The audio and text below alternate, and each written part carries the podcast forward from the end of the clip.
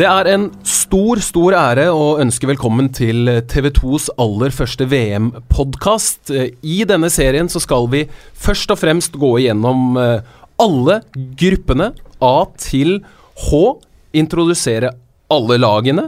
Finne ut hvilke spillere vi skal følge litt ekstra med på, hvilke managere, osv. osv. Dette er det 21. verdensmesterskapet i fotball, det første som blir avholdt i Øst-Europa.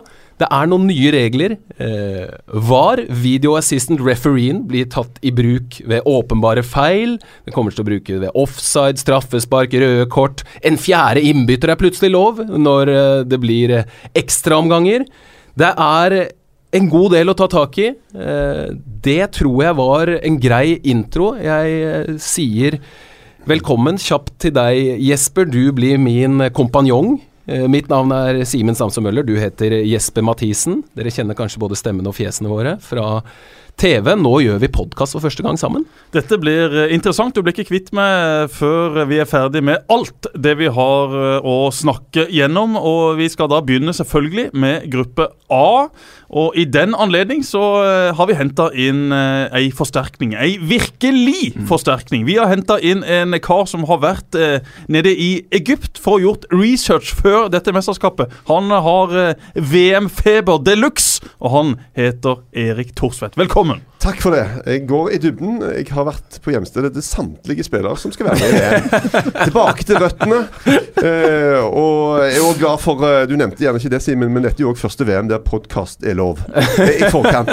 Så derfor sitter vi her i dag. Det gjør vi. Er du klar for VM? Gleder du deg? Hvordan er det med VM-feberen? Jeg gleder meg. Jeg må si det. Eh, VM er et eller annet spesielt. Uh, uh, altså jeg var nettopp òg over å og intervjua Osvaldo Adiles, som spilte på VM-laget Argentina i 78. og Det var for meg et helt sykt mesterskap. Eh, vi måtte sitte oppe på nettene pga. tidsforskjellen og se. Og så var det et eller annet med bildene som var så annerledes enn de som hadde vært fra Vest-Tyskland i 74, som er det første mesterskapet jeg husker. Men i 78 altså, det, var, det regna papir. De spilte fotball på papir. Det, det var sånne syke sider. Sør-Amerika. Et eller annet med de der greiene der som var bare helt magisk, altså.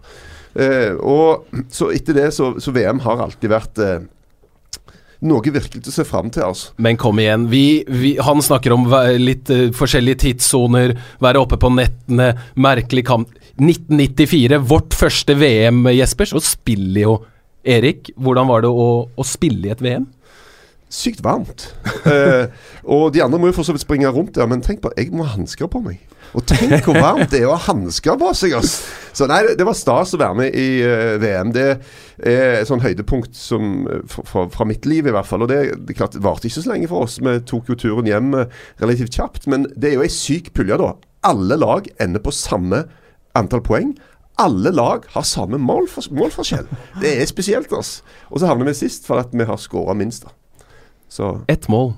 Kjetil Rekdal mot, mot Mexico. Mm. Så var det Dino Baggio som med sitt mål eh, sendte oss ut. Det er mitt første, det er mitt første fotballminne, faktisk. Enig. enig. Det, jeg husker uh, at jeg uh, kjøpte Eller jeg fikk jo masse Panini-kort etter mesterskapet av pappa som var over og dekka dette som journalist, mm. og da har jeg fotballkort av Erik hjemme i uh, en eller annen skuffe. Så det skal jeg ja. se om jeg kan uh, finne frem, sånn at VM-feberen virkelig tar meg også. Du sto i ei keeperdrakt som var litt gul og litt rød, stemmer det?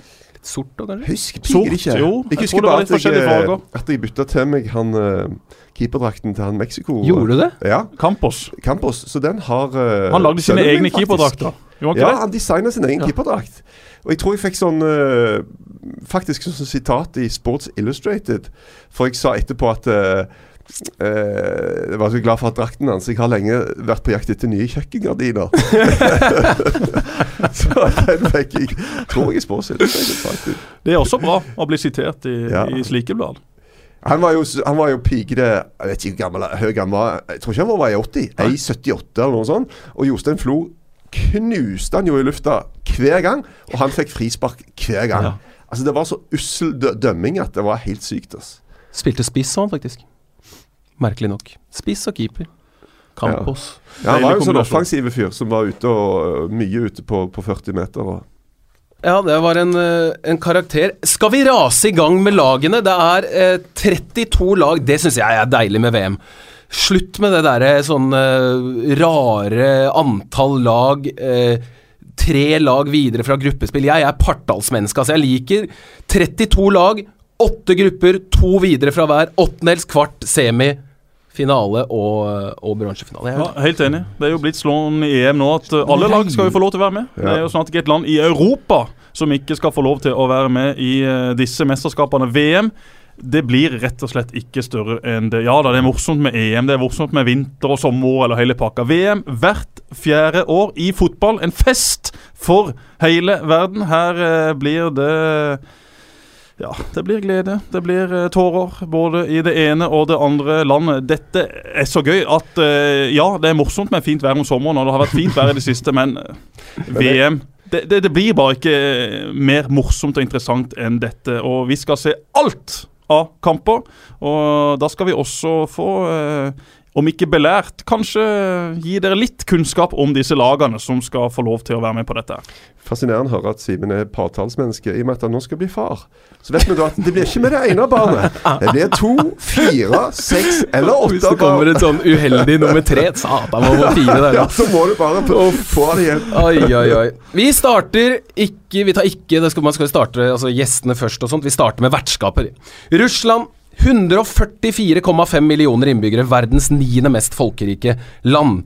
De har syv VM-deltakelser som Sovjet, tre som Russland siden 1992. Deres VM-meritter som Sovjet, nummer fire i 1966.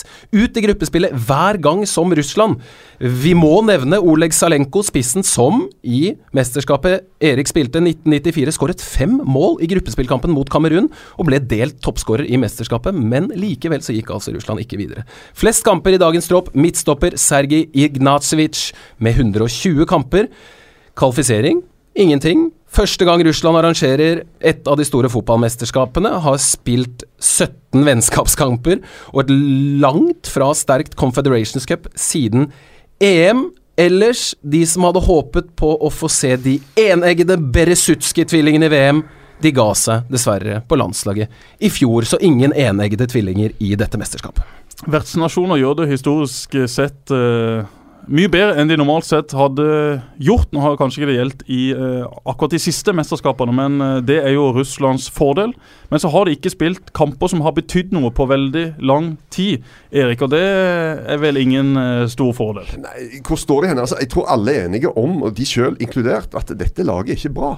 Altså, De har hatt mange år på å forberede seg, få ting på stell. Det har de gjort stadionmessig, men laget er fortsatt ikke bra. og De har jo blitt eh, grundig avslørt eh, i eh, Europa, noen av disse russiske lagene. De har jo òg et problem med at eh, ofte er det veldig mange utlendinger. Det er store penger i russisk fotball. Veldig mange utlendinger som spiller, og begrensa sjanse av og til for, for russiske spillere til å komme opp og fram.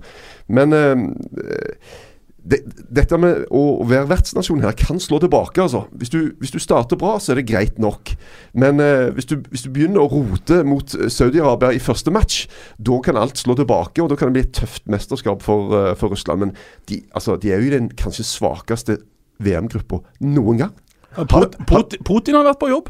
Ja, ja. Putin har vært på jobb. Altså, det det- må du ikke lure på. Se på hvor de er ranka henne, disse lagene. Har det noen gang vært det svakere VM-gruppe? Jeg vet i hvert fall at Russland var det lavest ranki- rankede laget på, på Fifa-rankingen før kvalifiseringen eh, begynte, da. Og Uh, nei, det, det er jo selvfølgelig sånn at Altså Vi sitter Saudi-Arabia og gleder oss til VM i fire år, så får vi servert Russland-Saudi-Arabia i åpningskampen. Jøss, for en fest av en fotballkamp det kommer til å bli. Man tenker- Russland må vinne. Man tenker jo bare på at det er to land som Uh, om ikke sliter, som man gjerne tenker på litt negativt utenfor fotballbanen. Ja da, Det er mye å snakke om utenfor banen, men uh, Skal vi skal vi begynne banen, med det, så tar dette her veldig lang tid. I tillegg til at iallfall ikke jeg er noen ekspert på uh, de tingene der. Men om Russland skulle tape det, eller spille uavgjort mot Saudi-Arabia i den første kampen, så, så er jo nesten dette mesterskapet over før det egentlig er i gang for eh, de russiske gutta, og for en vertsnasjon som ja, det er sikkert ikke kjempestore forhåpninger, men det er klart at uh, når russerne arrangerer ting i sin egen stue, så har de kjempestore forventninger. Og eh, uten at vi skal legge altfor mye uh, mistanker osv., så, videre, så så tror jeg disse her gutta kommer blodtrimma. Plutselig, det altså, tror jeg. Men i 2008, da de var så gode, så var de plutselig veldig gode. Det er eh, klart det er mange av de som man så det var eh, Arshavin, Sirkov, eh, disse- Det var gode spillere for all del, men det var jo ikke spillere som har vært i nærheten av så gode som de var i det mesterskapet senere. Man trodde jo at det skulle bli eh, At det var mange liksom, eksporter der som skulle klare seg bra. og Nå har de eh, den eneste stjernen, Aleksander Kokorin, ute. Mister hele greiene. Den største stjernen blir jo da eh, fra Krasnodar, som, som spiller med, med Stefan Strandberg. Stefan Strandberg kjenner Fjodor til han. Eh, Smolov. Inviterte Stefan Strandberg med her i denne episoden, men det passa dessverre ikke for den sympatiske Lyngdølen. Det er jo et Så jeg, jeg er bare jeg er reserve? Nei, vi skulle ha fire her, Erik. Skulle- Nei, nei, nei, nei, nei, nei, nei. sånn Nei, nei, nei. Vet du hva, Stefan fikk faktisk melding i går kveld, så han var veldig misfornøyd med den invitasjonen han fikk en fikk en telefon sånn for en halvtime siden. Kan du være med på sånn podkast? Det var hyggelig du kunne komme, Erik. Hvis Stefan kommer, så er det fint om du da bare kan eh, forlate, forlate lokalet. Det russiske laget de har eh, variert eh, i eh, formasjon og spillestil. Det har vært en del kritikk rundt akkurat dette. De ser ut til å ende opp med tre bak i en Eller tre midtstopper da i en 5-3-2-formasjon. Blir jo fort 3-5-2 når man skal opp og fram. Smolov, som er spissen dissen, som du sa, Simen, vært linka til klubber i Spania. Hamra inn mål for Krasjnodar. Denne åpningskampen blir selvfølgelig helt eh, avgjørende. I mål står fortsatt eh, Igor eh, Akinfev, født i 1986. Uh, Dundra inn et mål mot han i Moskva i 2005, Oi, da vi kvalifiserte oss for gutter eh, 19-EM. Han Men da, var, da, samme år vant han Uefa-cupen. Ja. Faktisk. Gjorde han det i 2005? Ja, var i jeg 19. 2005. Da vant han Uefa-cupen. Han har jo stått i mål utrolig lenge og er en veldig god keeper. Men uh, som dere husker tilbake for uh, Det var vel for to år siden i EM gjorde han et par uh, Mm. stygge feil. Um, så ryktet hans er jo litt sånn Har fått litt sånn Han roter det til når, på de, liksom når de store kampene kommer. Litt urettferdig, for han uh, syns jeg er en bra keeper. På høyrebekk er det Fernandes som er førstevalget. Spiller eh, da for eh, CSKA. Midtbanen er kanskje deres sterkeste lagdel. Der har de Sobnin og eh, Kushaj- Kushajev som vil ha det defensive ansvaret, mens eh, Golovin er den kreative spilleren i den treeren. Alle tre har levert solid spill eh, i vår og blir viktige for eh, dette her eh, laget. Ja- er det sånn vi sier det? Ja, Jagoev. Ja, Han eh, spiller offensiv midtbane. Meget spennende eh, spiller i sin ti- tid, men fikk allerede aldri det virkelig store gjennombruddet. Og så har vi da Kirkov, som kommer til å spille ute til eh, venstre. Han har rutine. Gjorde jo godkjente prestasjoner og sesonger i eh, Chelsea, han Han, har faktisk jeg spilt mot. Har Det er det? ikke så mange jeg kan liksom skryte Men det var selvfølgelig treningskamp, da. De der, når vi dro til eh, Om det var på La Manga eller i Tyrkia med, med Tromsø, spilte jeg mot eh, Anji. Og der var Sirkov og E2 og litt sånn. Og disse russiske lagene reiser jo ofte dit. De norske lagene reiser på treningsleir, Mm. men de russiske lagene er der ikke i to uker. De er der gjerne i to eller tre måneder. Men Smolov uh, skåra mot et par norske lag nå i, i vinter, mot Strømsgodset, annet Molde, tror jeg det var. Også. Men det er jo, han er den ene, det eneste offensive eh, S-et deres. Det, det, er et, det er jo et ganske dårlig lag. Det er, ikke, det er ikke så veldig mye mer å snakke om, tror jeg. sånn eh, Total fiasko i EM 2016, både på banen og blant eh, de supporterne som Putin hadde sendt ned for å gjøre en jobb.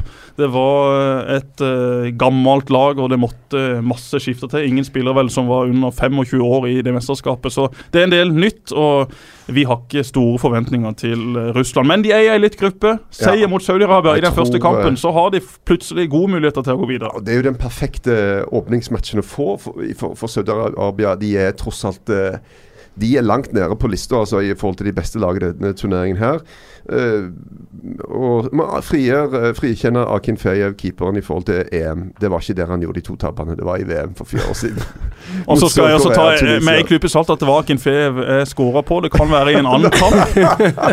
Men jeg, jeg mener det var det. Men, Fejev? Eksisterer han i det hele tatt? men, men, men når, når han da vant Uefa-cupen samme år, så ble jeg litt sånn Ja vel, OK. Hm. Ja, Samme det. Det skal vi få sjekka opp i. Jeg får sikkert kjeft hvis det ikke var han. Og så hører jeg sikkert ingenting om det faktisk var han. Neste lag, Simen. Hvor vil du da hen? Du har Jeg vil ikke eh, videre helt ennå. Vi har en fast spalte, Ja, stemmer. Hvem er vår mann? Vi har altså plukka ut én mann på hvert landslag som vi skal følge ekstra godt med på. Kanskje kommer han til å spille mye, kanskje kommer han til å skåre mål, kanskje blir han bare sittende på tribunen. Men dette er da en spiller, en person, som har noe med seg. Og hvem da, Simen, er vår mann fra Russland? Sikkert ikke så mange som har hørt om Artem Djuba. Han havna i clinch med sin manager i Zenit St. Petersburg i vinter. Roberto Mancini heter han. Mer velkjent. Så ble Djuba leid ut til Arsenal Tula.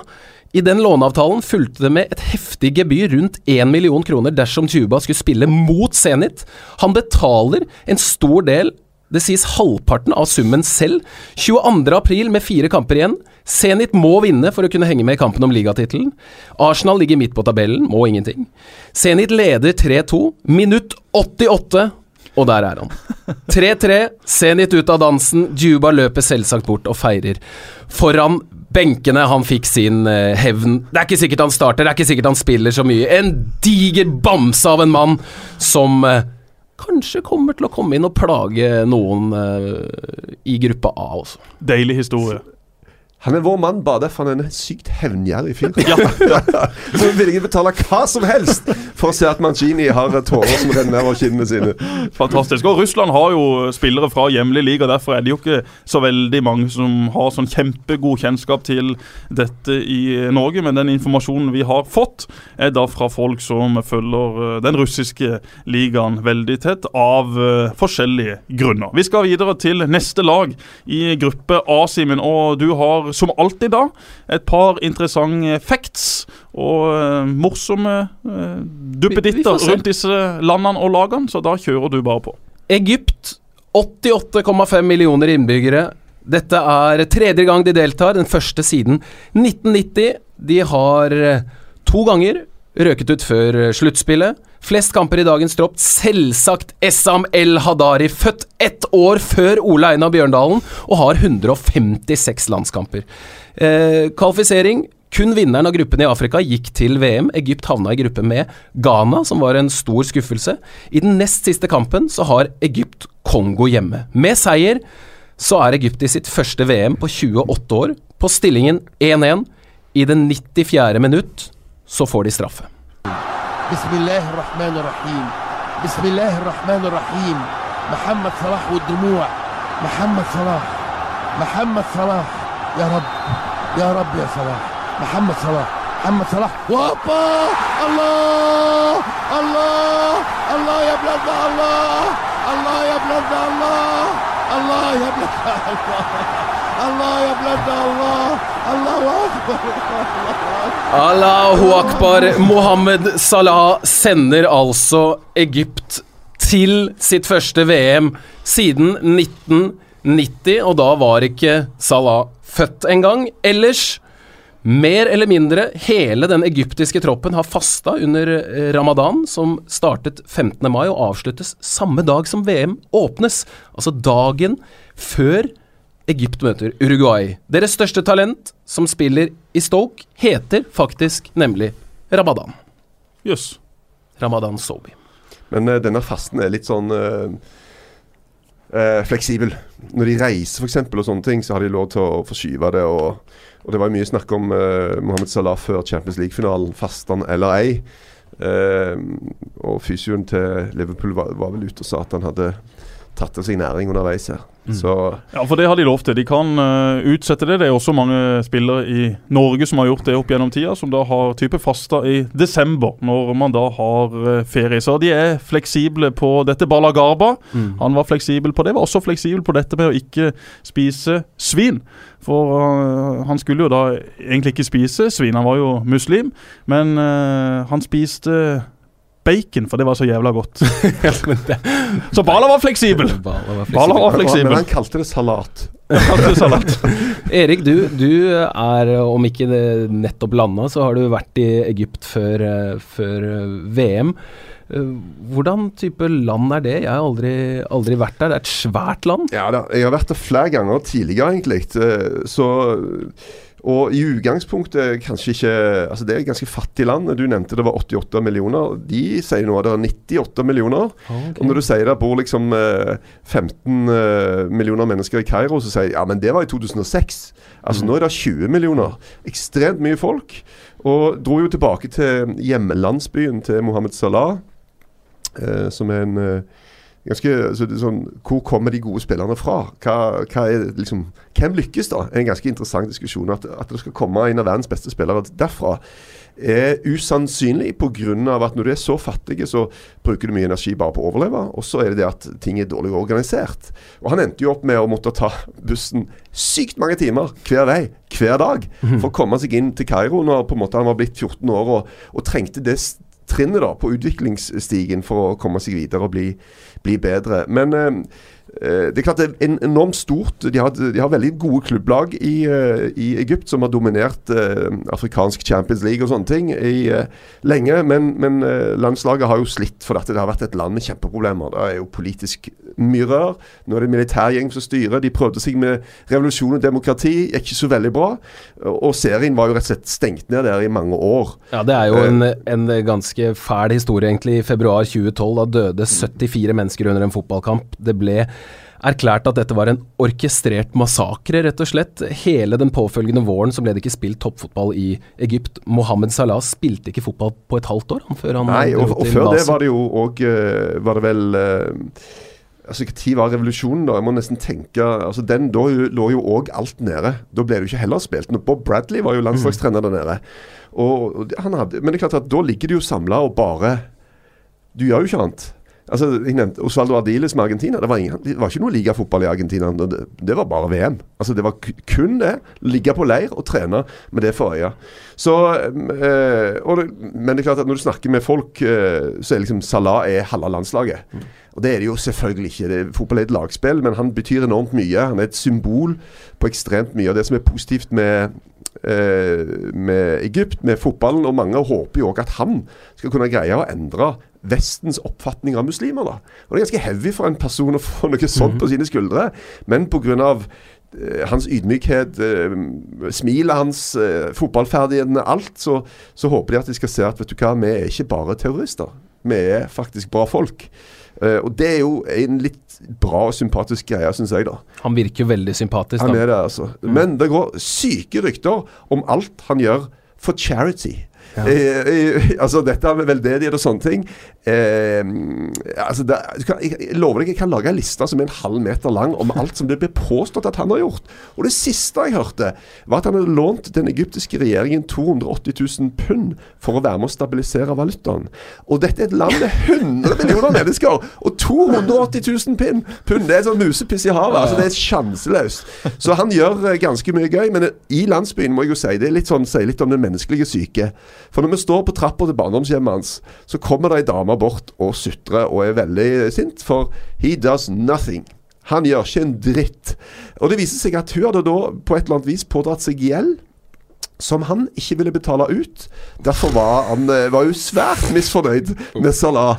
Så det er klart at uh, Hele landsbyen tenker jo at her har en av oss lagt gullegget. Nå er good times her for alle oss, da. Mm. Så, uh, men, men, generelt veldig populær, selv om jeg må legge til det òg. Når jeg sitter og ser på Champions League-finalen uh, på kafé i Kairo, så sier plutselig han fyren på siden av meg I hate Mohammed Salah. så var det sånn OK his talent is very limited. Så sier jeg sånn But uh, he scored 32 goals in, in the Premier League this season. He's lucky. Very, very lucky. Så OK, greit. Han flaks. Han snubla inn 32 mål. Det, da har du tur, ass. Så, men det er ikke representativt for hvordan egypterne ser på han. Men det er klart at vi, vi hører jo dette målet som du nettopp eh, når, når, han sendte Egypt til til VM. Og vi tror det er sånn hele veien. Etter hvert eh, to og et halvt døgn og kjørt på kryss og tvers i Egypt og Kairo i mange, mange timer, så så vi an, eh, antall veggmaleri med, med Salah. Det var ett. Mm. Antall fotballdrakter med Salah på ryggen totalt sett, til og med inkludert Champions League-finalen, det var mindre enn fem, altså. Mm. Og når han ble skada og gikk av banen uh, i Champions League-finalen og grein, så uh, Det var ingen andre som grein. Uh, det var ikke sånn hysteri. Uh, og jeg tror jo at uh, Jeg tror jo at de ikke kunne få helt forstå at vet du hva, en skulderskade kan faktisk gjøre at han mister VM. Tenkte. Nei, nei, skulder, det går fint. Men skulder kan være bad, altså. Mm.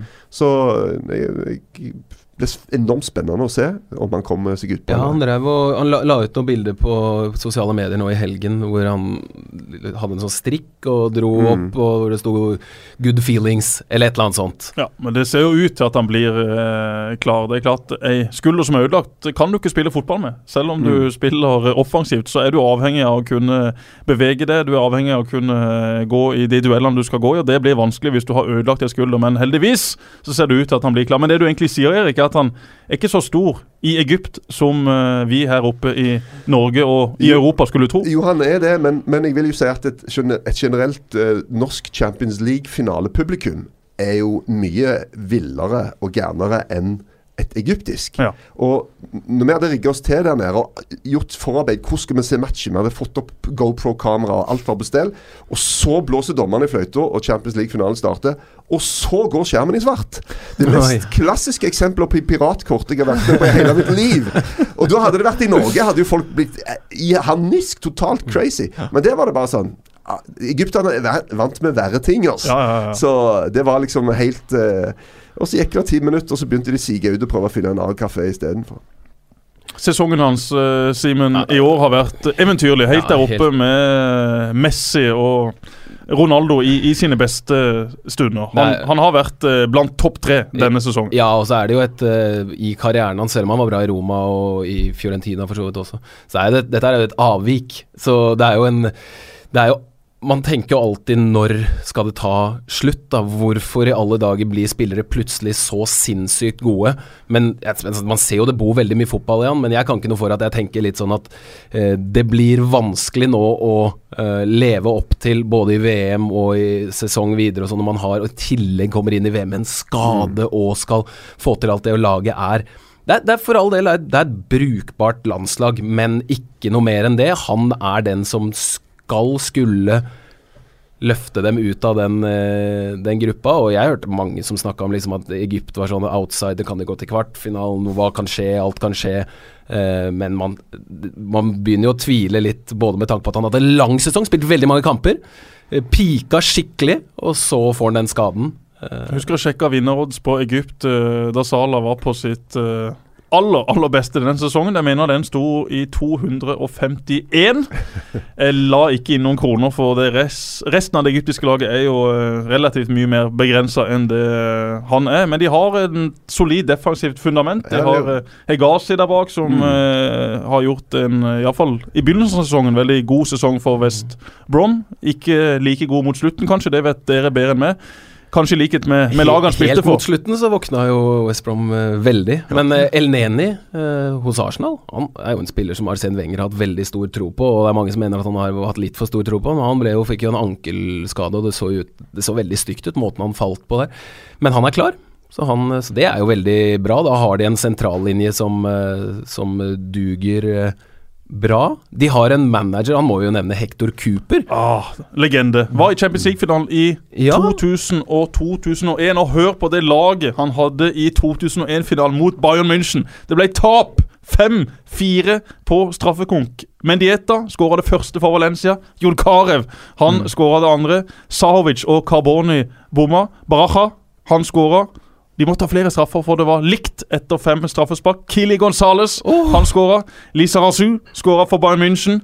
Linke skåra for Bayern München. Og så ble det da bom fra Pellegrino. Men det laget Cooper hadde med seg i denne finalen, han bygde jo dette opp til å bli et ekstremt uh, solid kollektiv. God defensivt. Og så hadde han da Karev og co.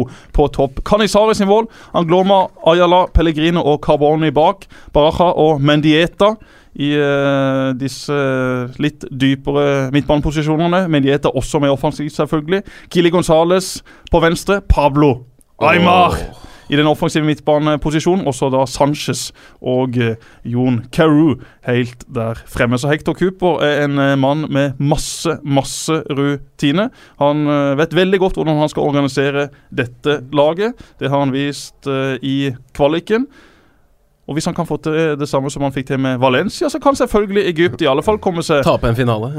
Nei, komme seg videre fra, fra denne gruppa. Ja. For uh, det er vel det som må være målet de sitt, Erik. Uh, kan Definitivt. de gå videre, så er dette en suksess. Det er jo vel utgangspunktet, sånn som jeg ser det. Altså det er jo uh, Egypt-Russland. Uh, jeg tenker at Saudi-Arabia havner litt baki der, men, Ja. uh, men den, den greia der Og tenker jeg med Salah framover, OK, det, det, men det er jo det defensive som er det beste med Egypt. De er bra organisert, de er vanskelig å bryte ned. De kommer til å ligge lavt og Ja. gå på kontring. Ja. Det blir strategien deres. Og det kan holde det til å, å gå videre fra den uh, gruppa her. Uh, må bare nevne så vidt òg, sånn i forhold til kvaliken. Uh, vi hørte jo når Salah skåra her, men, men de afrikanske landene de spiller seks kamper, da. Og så er de VM. Altså Australia spilte 22 kamper og reiste 250 000 km for å komme seg til VM. da Så, så det er ganske sånn stor forskjell på hva som kreves for å komme seg dit. Australia fortjente å komme til VM. De gjorde det. absolutt. absolutt. Jeg måtte bare sjekke hvor langt er det til månen. Til månen er det 350 000 km. Ja. Så de var ikke helt til månen, men piker ikke så langt unna oss. Godt, eh, godt på vei. Skal vi videre i uh, gruppa, Simen? Vi har uh, da vært uh, gjennom Russland og Egypt, og da skal vi vel kanskje ta Straks videre. Vi skal innom Ja, vår mann. Jeg glemte vår mann igjen. Jeg må skjerpe Neste meg. gang sitter Hvem er vår mann fra Egypt? Ja, det er jo øh, Vi må jo ta oss litt spillere som, som man kanskje ikke kjenner til eller ikke har hørt om så mye og sånn. Så øh, I Brasil så har de jo kunstnernavn og kreativ øh, frihet. Hulk etter tegneseriefiguren. Vi har hatt Marlon Brandao. Til og med John Lennon. Hos Egypt så finnes det en spiller, Mahmoud Hassan, men på drakta hans så står det M3CG. Det har eh, seg sånn at vennene hans, som ga han dette kallenavnet, de mente at han ligna på den franske spissen, men de ligner ikke i det hele tatt, verken som spillere eller utseendemessig. Så Tressegé Det var litt sånn lite snev av nostalgi for meg å se Tressegé i en tropp igjen. Husker du det siste til nå Tressegé gjorde et VM? Den eh, Jeg husker bare volleyen han satt i Ja, nettaket på halsbretten. Det var EM. EM Finale. 2000, VM 2006, finalen. Han er den eneste som bommer på straffe i eh, finalen mot Men, Italia. men som du nettopp sa, til nå. Til nå! Til nå. Helt riktig. Så Tressegé TCG lever videre. ute etter å, å hevne seg. Men da kan vi godt rase videre. Og så har de jo en eldgammel keeper, Erik. Ja, det er ganske sykt, altså. Eh, Og de, de, det nede, de mente han kom til å spille, altså. Ja. Eh, og det er jo litt gøy, for man har ofte litt sånn forutinntatt i forhold til eh, hvor høy keeperen er han, liksom. Er han altfor liten, eller og liksom, Ofte er det sånn Ja, han er altfor gammel. Eh, og det gjelder jo mer utespillere enn eh, enn keepere, men eh, det kan jo være at det har vært eldre spillere i VM. Fordi lyging på alderen har det vært mye av. Det har det. Det har det. Så det kan være at vi har hatt spillere nærmere 60, 60 år, altså. Men offisielt er dette Offisielt. den eldste spilleren som noensinne kommer til å være med i et VM. Og så kan vi jo heller ta en annen diskusjon med hvor gamle enkelte spillere egentlig har vært. Peter EJ var vel 55 da han herja for Viking? Ja, han var ikke i VM, da. Nei, det var han ikke. Men, men det, eh, vi kan jo ikke klandre folk heller. Det øker jo sjansen for at du skal ha en bra karriere ganske betraktelig. Det er ofte en vei ut av fattigdom og hva som helst. det altså, så eh, Gammel er du, Jesper, egentlig? Eh, 31 i passet. Du 17. mars 1987. Du ser betraktelig eldre ut. Ja, jeg vet det. Egentlig, egentlig født uh, Hvor gammel er, kropp, hvor gammel er kroppen? Kroppen den er mye eldre enn uh, Hadari, som skal stå i mål for Egypt. Saudi-Arabia, 33 millioner innbyggere. Dette er deres femte deltakelse, alle siden 1994. VM-meritter, ja, de gikk jo videre fra sin gruppe i 94, slo Belgia og Marokko, tap 3-1 mot Sverige, fantastiske Sverige, i åttendelsfinalen. Flest kamper i dagens tropp, Osama Hausawi fra Mekka med 134 kamper.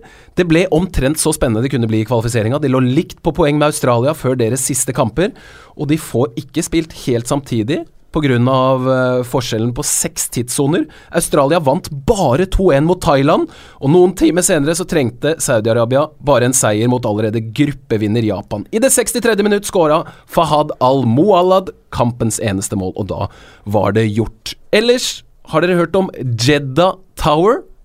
Jeddah Tower? Nei. Nei. Dette er altså en skyskraper som skal stå ferdig i år. Den vil da bære tittelen 'Verdens høyeste byggverk'. 1000 meter høy. Jøss. Så de bygger. De har det med å overgå hverandre i Mm. disse trakta De liker partall der òg, De gjør det, de gjør det. Fint rundt tall. Men det er jo to litt sånn eh, Ja, vi snakka så vidt innom Russland og Saudi-Arabia. Det er jo noen regimer der som har eh, en litt sånn fetisj for å vise seg, vise seg fram. Og, eh, og da er jo å bygge noe som er 1000 meter høyt, et godt eksempel på det. Lavest rangert av lagene i dette mesterskapet. De har hatt en hel haug av trenere etter at Mm. uh, kvaliken ble uh, ferdig. Like mange som Start. Ja, like mange som start. Det skiftes mye trenere både i Saudi-Arabia og i Kristiansand, Erik. Kjapp quiz. I løpet av de siste 30 åra, hvor mange managere og trenere har det vært i Saudi-Arabia?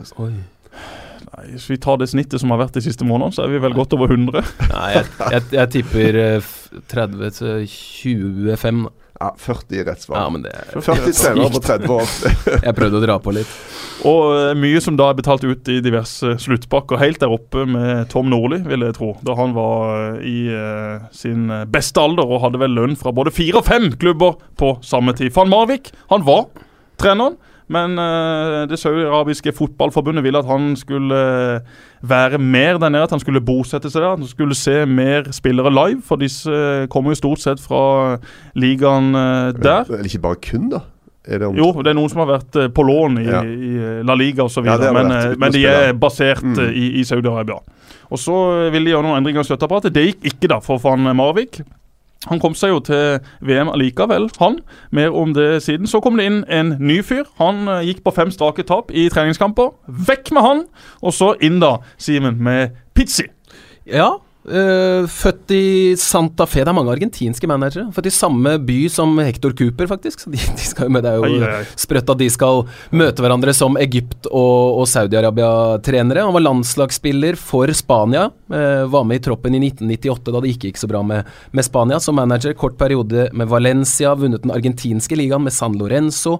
Og Copa America, faktisk, med Chile for to år siden. Så han har mesterskapserfaring, og det tror jeg er det som, eh, som rett og slett Ja, gjorde mens, at han får den jobben der. eh, Van Marvik eh, la seg lavt i 4-3-3, venta på overganger mot eh, de lagene som var antatt bedre. Så vil eh, Pissi spille mer ut bakfra, ha mer fokus på possession. Og eh, han kommer vel i det som kan minne mye om en eh, 4-2-3-1. Og fikk som hatten passe av Peru her eh, forleden med, med 0-3, da de helt sikkert tenkte at det er en perfekt motstander, ganske jevnbyrdig med, med det man møter i, i denne gruppa. Så, så fikk de seg en skikkelig smell. Om det er en wake-up call eller et uh, tegn på at de rett og slett ikke er bedre, det, det får vi se. Uh, jeg har funnet en fyr. Har du det? Hvem er vår mann? Vår mann Salem Al-Dawsari. Det var jo veldig mange som ikke skjønte noe da, som du var inne på, ni spillere fra Saudi-Arabia plutselig fikk komme på lån til spanske La Liga-klubber i vinter. Dette var noe eh, spanske klubbene ikke betalte for, tvert imot tror jeg de fikk masse cash for det. Eh, en av disse var kantspillerne Al, kantspilleren Al-Dawsari. Grunnen til at han er vår mann, det er at han representerer en type av saudiarabiske spillere som vi ikke har sett før. Jeg tenker alltid når jeg ser for meg Saudi-Arabia så, så er de De er veldig, for å være litt fordomsfull, de er veldig like. Uh, ingen som skiller seg veldig ut. Men han her er annerledes. Han byr på seg selv, utseendemessig med hårvoks og litt bling-bling, men ikke minst på banen, hvor han har et bra finterepertoar. Jeg har sett i noen få klipp. Han var leid ut til Villarreal, et for bra lag for han. Var nesten ikke i troppen. Før siste kamp og den siste halvtimen i siste runde spiller de hjemme mot Real Madrid. Kom inn på 0-2. Endte 2-2. Salem Al-Dawsari, pass på han. Men jeg veit at du uh, har en gammel favoritt hos Saudi-Arabia. Jeg har en gammel favoritt. Men jeg er også fan av denne karen, for han også har vært inne og kikka litt på. Han har jo en eh, jubling når han skårer mål. Som eh, minner veldig om Kim Holmen i sine glansdager, for de som husker han. Det er salt og turner. montale med skru. Ja, dette er Saudi-Arabias store turner. En skikkelig entertainer. Både med ball og etter han har hamra ballen i uh, mål. Det er også eh, et par andre profiler som eh, Saudi-Arabia har. Mohammed Al-Salawi starter nok på topp. Eh, om han er god nok til å skåre mål mot den motstanden man møter i et VM, det gjenstår å se. Fahad Al-Mualad, lovende talent som fansen elsker. Han uh, lånte ut til Levante for å få litt læring, og for at Levante garantert, og La Liga garantert, skulle få rimelig eh, gode summer med, med litt eh, pesetas. Og så har de da eh, Mo Allah, som er stjernespiller, har nesten ikke spilt for Levante. Det er et lag som vi ikke har veldig stor tro på, men Saudi-Arabia har et spesielt plass i mitt hjerte. For i gamle dager da jeg satt hjemme og spilte dataspill på min PC, så var det da et spill hvor Saudi-Arabia var veldig gode. Og den spissen som alltid skåra mål, det var et sånn gammelt spill, så hvis du liksom skjærte inn fra venstre, så kunne du bare legge ballen i lengste. Og det gjorde Sami Al-Jaber hver eneste gang for meg. Derfor ble Al-Jaber en stor helt i vår venneflokk. Og for eh, fem-seks år siden så var jeg på ferie i eh, Paris med min uh, samboer. Vi hadde innlosjert oss på et uh, hyggelig hotell, og jeg var nede og hadde meg ei økt på, på mølla på eh, morgenen. Og det sto da en kar bak meg og venta, og jeg var ferdig, sliten, gadd ikke mer. Gikk ned fra mølla, og han spurte spiller du fotball. Ja, sa jeg. Spiller fotball. Ja, du er midtstopper. Ja, sa jeg. Det, det kunne du kanskje se. Midtstopper eller keeper, det var de to alternativene. Og så spurte jeg, og du liksom, hva gjør du? Nei, han har jobba litt i, i, i fransk fotball, da, liksom. Eh, Ja, hva, hva da? Så nei, jeg jobba i Jeg husker ikke hvilken klubb det var, det var ikke PSG, men det var en annen stor fransk klubb. Og så, ja, så var, en annen litt, Og så sier han Sami Al-Jaber. Så sier jeg Sami Al-Jaber? Jeg måtte jo fortelle han at han var en av de store heltene i vår venneflokk på Fagerholt skole. Vi hadde spilt med han på dette spillet. Vi hadde hamra inn mål. Jeg løp rett opp på rommet, henta penn og papir. Rett ned igjen, hvor Sami var godt i gang på mølla. Fikk en hilsen, fikk en autograf. Den har jeg hjemme. Så han er jo en legende i Saudi-Arabia. Har masse, masse landskaper. 156, tror jeg. det var. 156 landskaper. Har garantert enda flere mål. Spiller bare mot sånn Øst-Timor og. Ja, Så. jeg har spilt mot mye Hubba Bubba-lag. Det var min lille historie fra Saudi-Arabias største legende. Spennende å se om eh, de kan få med seg en seier i ei relativt enkel gruppe. Vi tviler. Uruguay. 3,5 millioner innbyggere, det samme som sentrale London. De deltar i sitt 13. VM av 21 mulige. De ble verdensmester hjemme i 1930 og i Brasil 20 år senere. Tre ganger så har Uruguay blitt nummer fire. Flest kamper i dagens tropp Maxi Pereira med 124. De var klart bedre hjemme enn borte i kvaliken, ble nummer to imponerende nok bak suverene da Brasil. Suveren var også toppskåreren i det søramerikanske kvalifiseringen. Edinson Cavani med ti mål. Ellers i Uruguay lever ti millioner sauer, enkel matte, tre ganger folketallet, og de har faktisk verdens lengste nasjonalsang. 105 linjer! Den varer i seks minutter. Men er den bra? For hvis det er en bra Hvis det er en bra nasjonalsang, så er det bare det lenger, det bedre. Ass.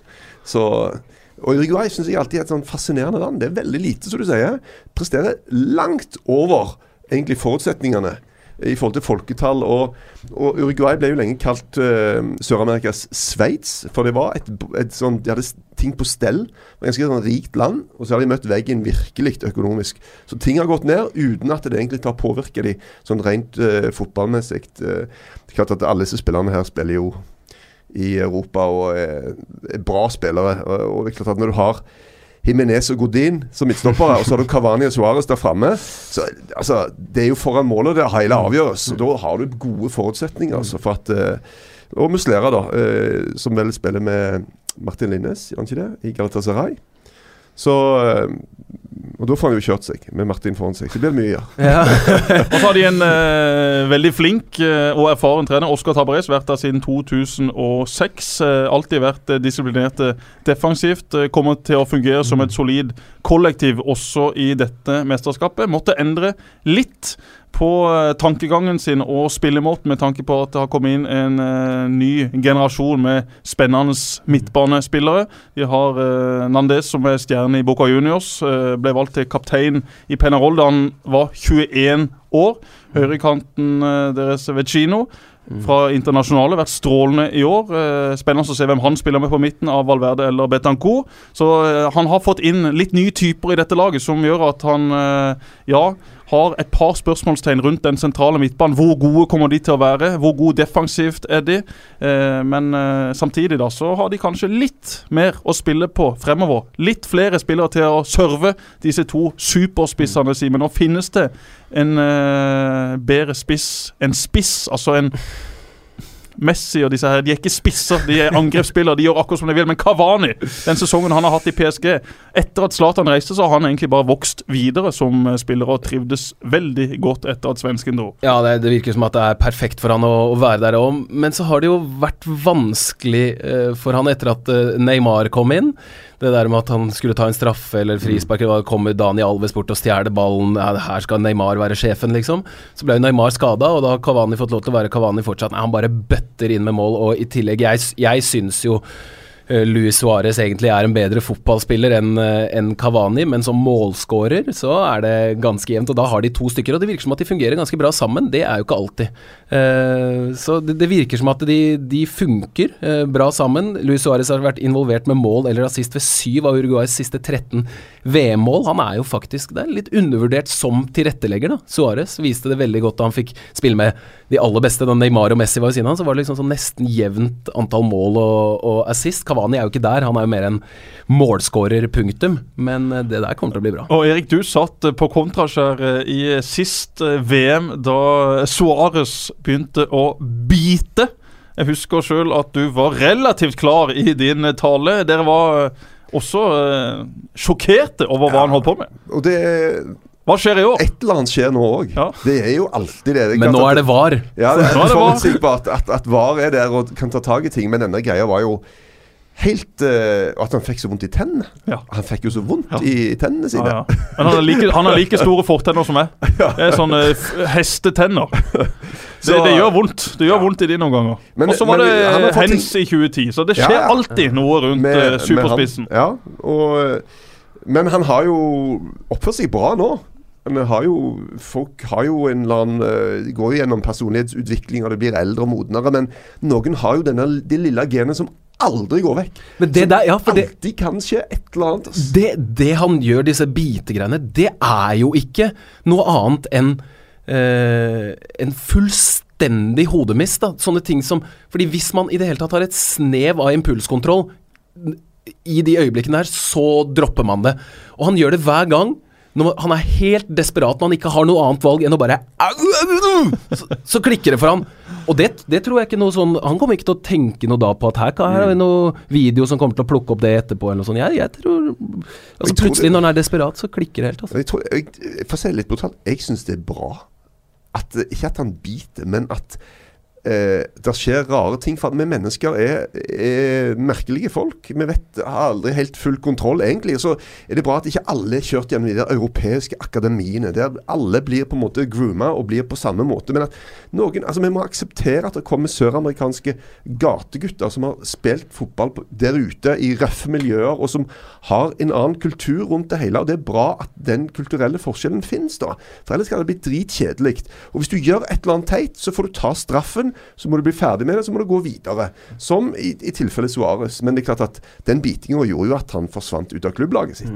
Det var jo litt spesielt. Han kunne rett og slett ikke være i Liverpool lenger. Og jeg skal øh, ikke forsvare biting eller spytting heller, men som fotballspiller, da. Hvis jeg skulle valgt mellom å bli bitt i skuldra, blitt uh, spytta på, eller blitt grisetakla rundt anklene mine, så hadde jeg mye heller valgt biting og spytting. Det Mm. verste som kan skje for fotballspiller, er jo å få ødelagt verktøyet sitt. Ja, sant.